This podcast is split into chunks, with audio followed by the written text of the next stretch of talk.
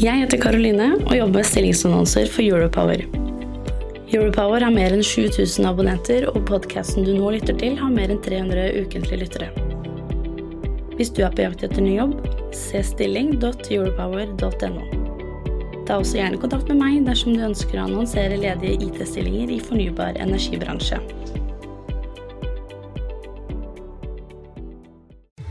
Hei og velkommen til denne livesendingen eh, her fra Energy Partner, der vi i dag har med oss Henrik von Stambers, eh, som er CEO i, uh, i Raven. Du lytter til energibransjens temapodkast. Sendingen inneholder annonsørinnhold fra Raven.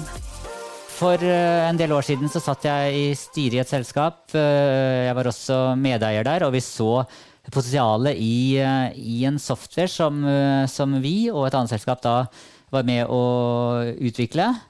Eh, men vi klarte aldri helt å, å, få det til å fly. Og så trakk jeg meg ut av styret, og det var da ting begynte å, å røre på seg. Uh, Henrik, hva var det som skjedde når, når, jeg endelig forsvant ut og dere fikk muligheten til å jobbe ordentlig? det var vel det at du forsvant. Det var vel det som var, var greia. Uh, nei, altså uh, På den tiden så var jo da Raven en del av egentlig uh, Det het noe helt annet. Det het Emergency Log Unit og ble eid av, av to forskjellige selskaper, egentlig. Et software-selskap, Innovate, og et beredskapsselskap, Total Safety. vi hadde utviklet dette systemet her fra 2011 ca. på oppdrag av et av selskapene Olje og Gass utenfor Stavanger.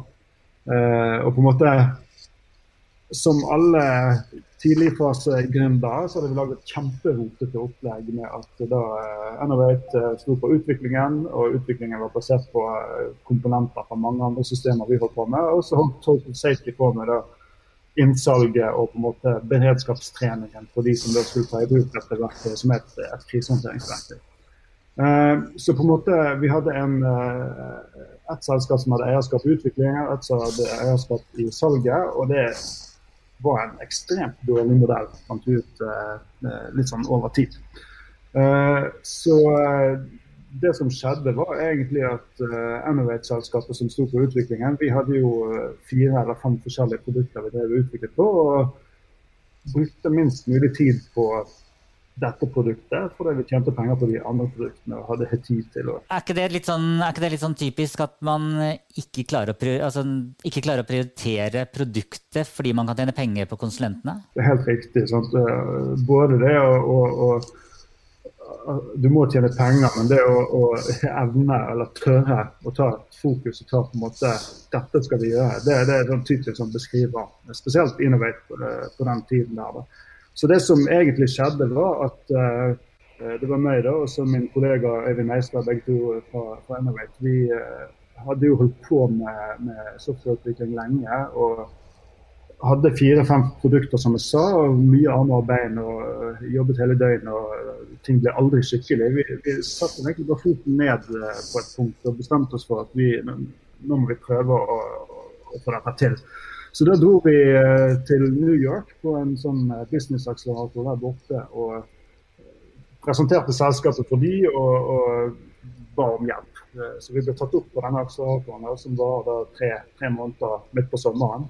og, og, det første de sa egentlig til oss, var jo det at ok, velg ett produkt og gå all in på det, og kast de andre.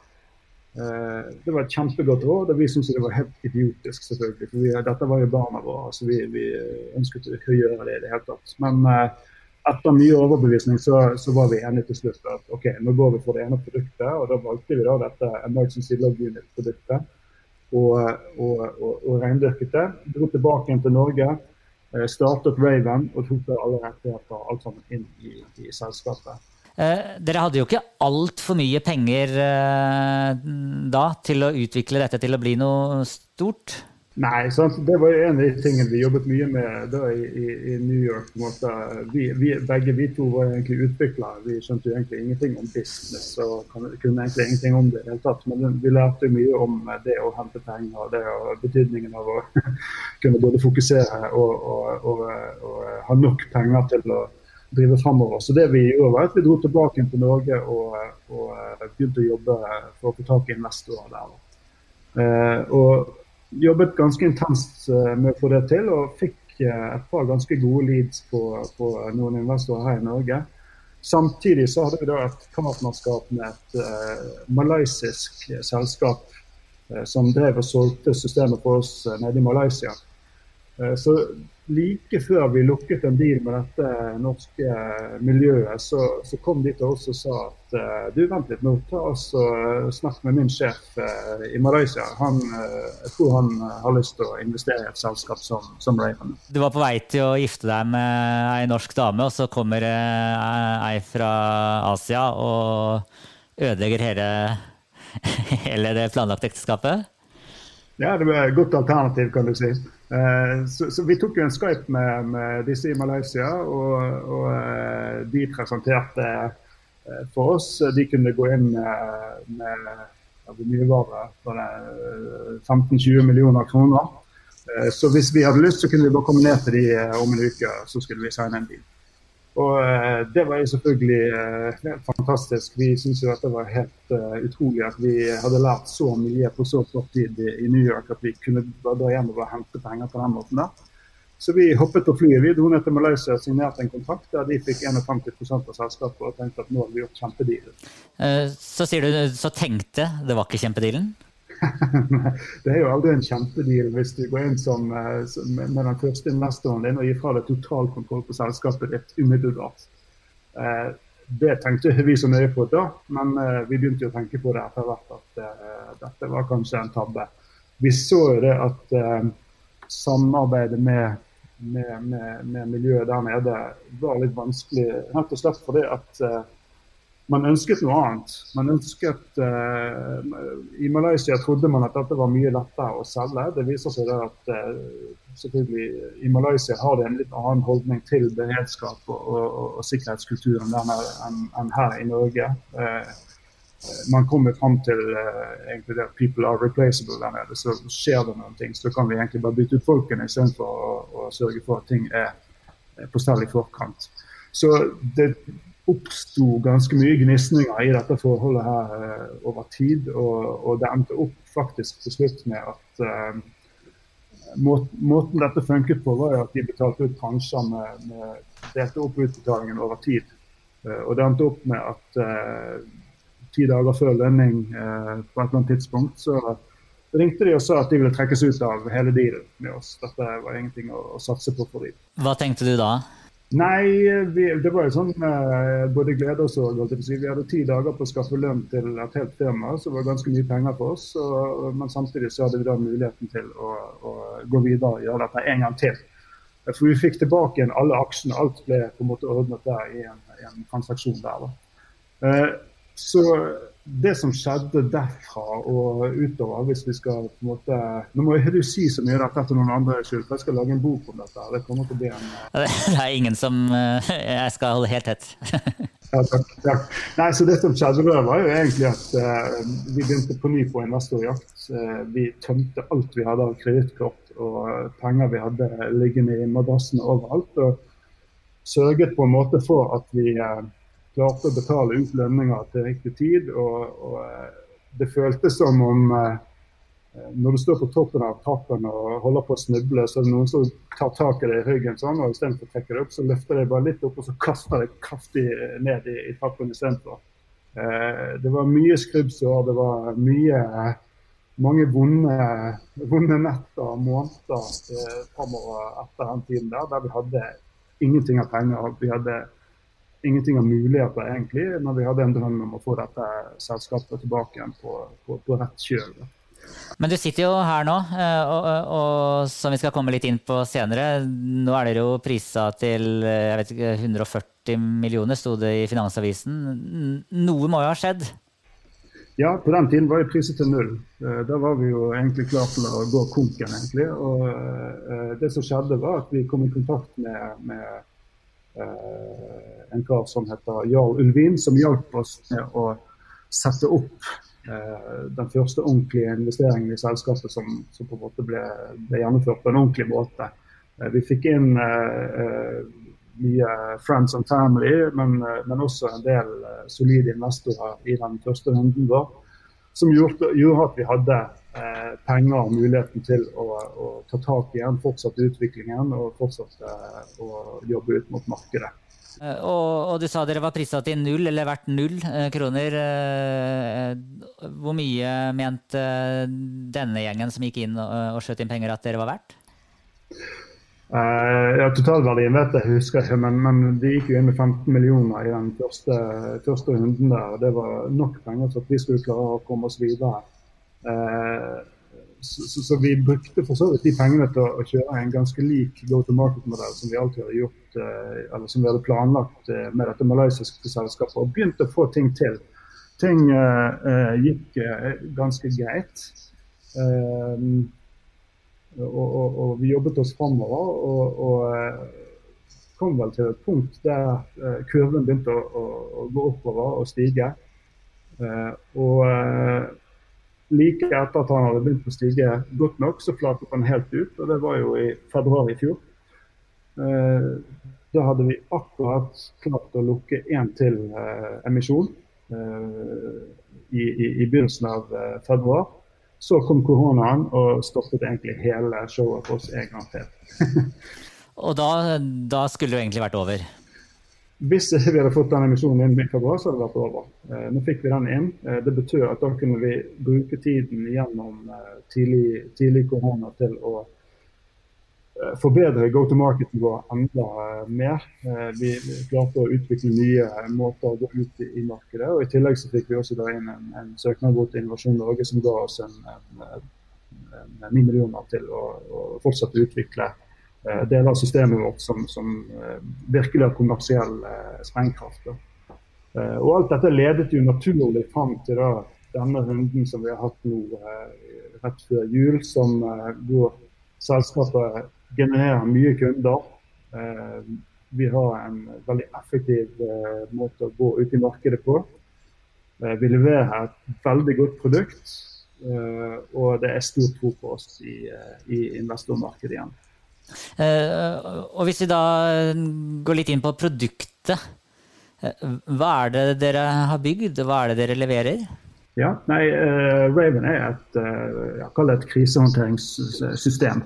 Eller et critical event management-system. Det er et system som brukes av, av, bedrifter for å håndtere kritiske hendelser når de måtte oppstå. Og, og det verktøyet egentlig gjør, det at det støtter egentlig fire hovedprosesser under en hendelse. Altså, nummer én handler om å få tak i de riktige folkene og mobilisere de teamene du har for å kunne håndtere hendelsen. Så handler det da om å kunne kommunisere effektivt under hendelsen. altså At alle får den riktige informasjonen til riktig tid. Alle vet hvilke beslutninger som tas. At vi hele tiden har eh, felles forståelse av det som skjer. Uh, videre så har du også en komponent for å koordinere all aktivitet, som gjør at folk vet hva skal de gjøre. må tenke, huske at Dette er en situasjon som har plutselig oppstått, som gjør at uh, veldig mange har aldri opplevd dette før i hele sitt liv. Men samtidig så må du ha alle all hands on deck og få alle til å, å, å levere for å ta ned igjen situasjonen og komme tilbake til, til uh, operations. Så, så, det å få ut de sjekklistene vi må ha, de protokoll, prosedyrer, alt dette ut, sånn at folk vet hva de skal gjøre med en gang, det er hyperviktig. Og så har du en komponent som, som går på dokumentasjon. At folk, eh, eller kundene våre kan hente ut og, og gjenskape den hendelsen som har vært. Bruke det til, til, læring eller til rapportering til myndigheter, forsikring, eh, ledelse, hva det måtte være. Så i bunn og grunn er dette fire veldig helt generiske Eh, egenskaper man må ha i et uh, krisehåndteringsverktøy, som gjør at uh, dette verktøyet her kan like gjerne brukes av de store olje- og gassleverandørene, helt ned til den lokale sanitetsforeningen. Når noen investorer mener at dere er verdt, i hvert fall ifølge Finansavisen, 140 millioner kroner, da må dere selge ganske mange lisenser, og ikke bare i Norge, men egentlig i hele verden, for at investorene skal få igjen pengene sine? Ja, øh, vi skal jo bli verdens største på. Så, så det, ingen, det, det, skal vi få til. Eh, verdisetting handler jo om flere komponenter, egentlig. og Det ene er selvfølgelig hvor mye salg du har der og da, men det andre er også den troen og potensialet investoren ser i, i, uh, i, selskapet, i teamet og måten man, man går ut på. Så, så uh, hvis du ser på det Raven gjør nå, så har vi, vi har mange kunder. Vi får kunder inn hele tiden. Men det som kanskje gjør at selskapet oppfattes som, som, eh, spesielt og veldig attraktivt for, for, investorer å gå inn i, er jo eh, måten vi har bygget opp eh, salgsmaskinen vår på, som gjør at eh, våre kunder de skaper nye kunder for oss uten at vi trenger å være involvert i, i prosessen. Og Det betyr at får du én kunde, så vil den kunden potensielt kunne skape 1, 2, 3, 4, 5, 10, 100 nye kunder for oss, som igjen vil skape nye kunder. Og En sånn type nettverksmodell er det veldig sjelden at du kan finne i et B2B-salg eh, eh, som, som, eh, vi driver med. Så, så når, når denne modellen presenteres for investor, og, og, vi har eksekvert på den og bevist at det faktisk fungerer, så er det klart at det er et attraktivt objekt å, å investere i. Hva er det viktigste du har lært? Du sa at du var jo altså, hva var det du sa? Du var jo bare en utvikler, eller noe, noe i den duren. Og så har du plutselig blitt hevet inn i investormiljøet, og nå skal du ta hele verden. Hva er det viktigste du har lært? Fokus. Pass på å fokusere på én ting, og én ting only. Det betyr jo at eh, Og dette gjelder jo hele organisasjonen og egentlig hele, alt det vi lever for. Altså, produktet må ha et fokus Eh, hvis du lager et produkt og lar det utvikle seg sånn som mange kunder vil, altså at, kom, at de kommer og ber om en funksjon her og en funksjon der, så får du et ufokusert produkt som blir totalt ubrukelig.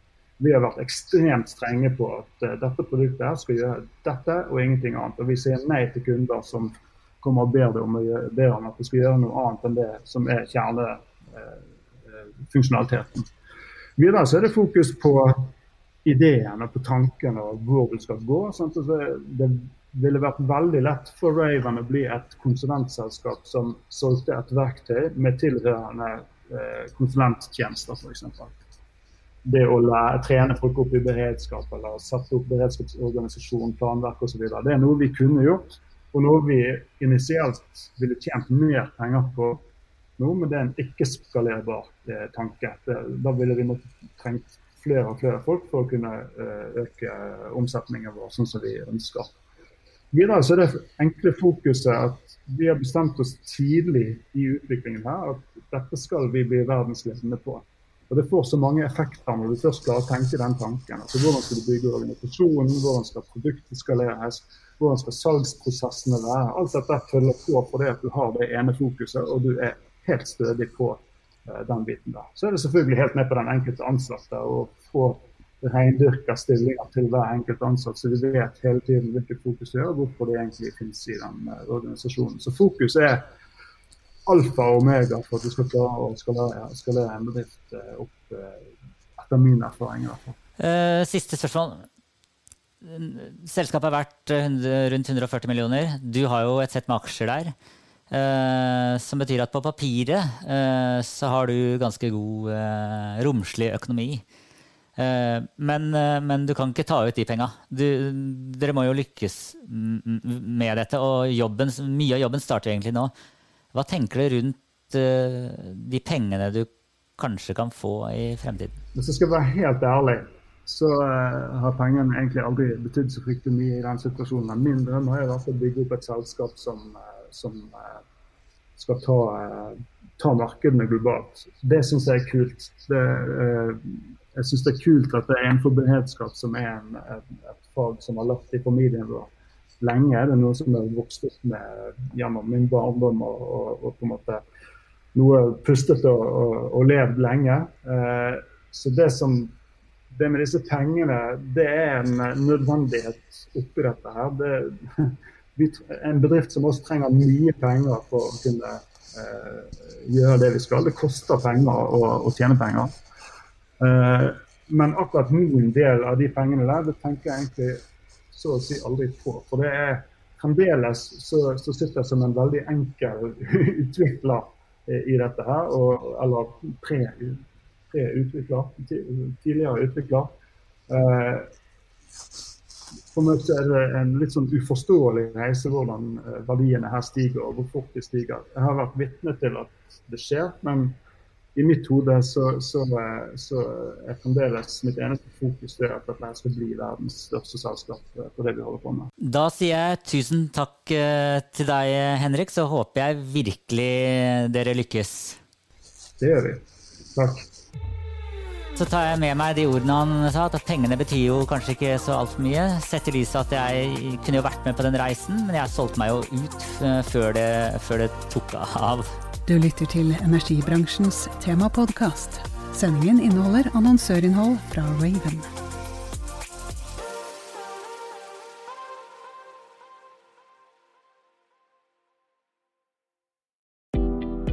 Jeg heter Karoline og jobber med stillingsannonser for Europower.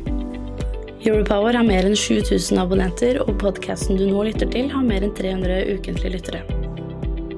Hvis du er på jakt etter ny jobb, se stilling.europower.no. Ta også gjerne kontakt med meg dersom du ønsker å annonsere ledige IT-stillinger i fornybar energibransje.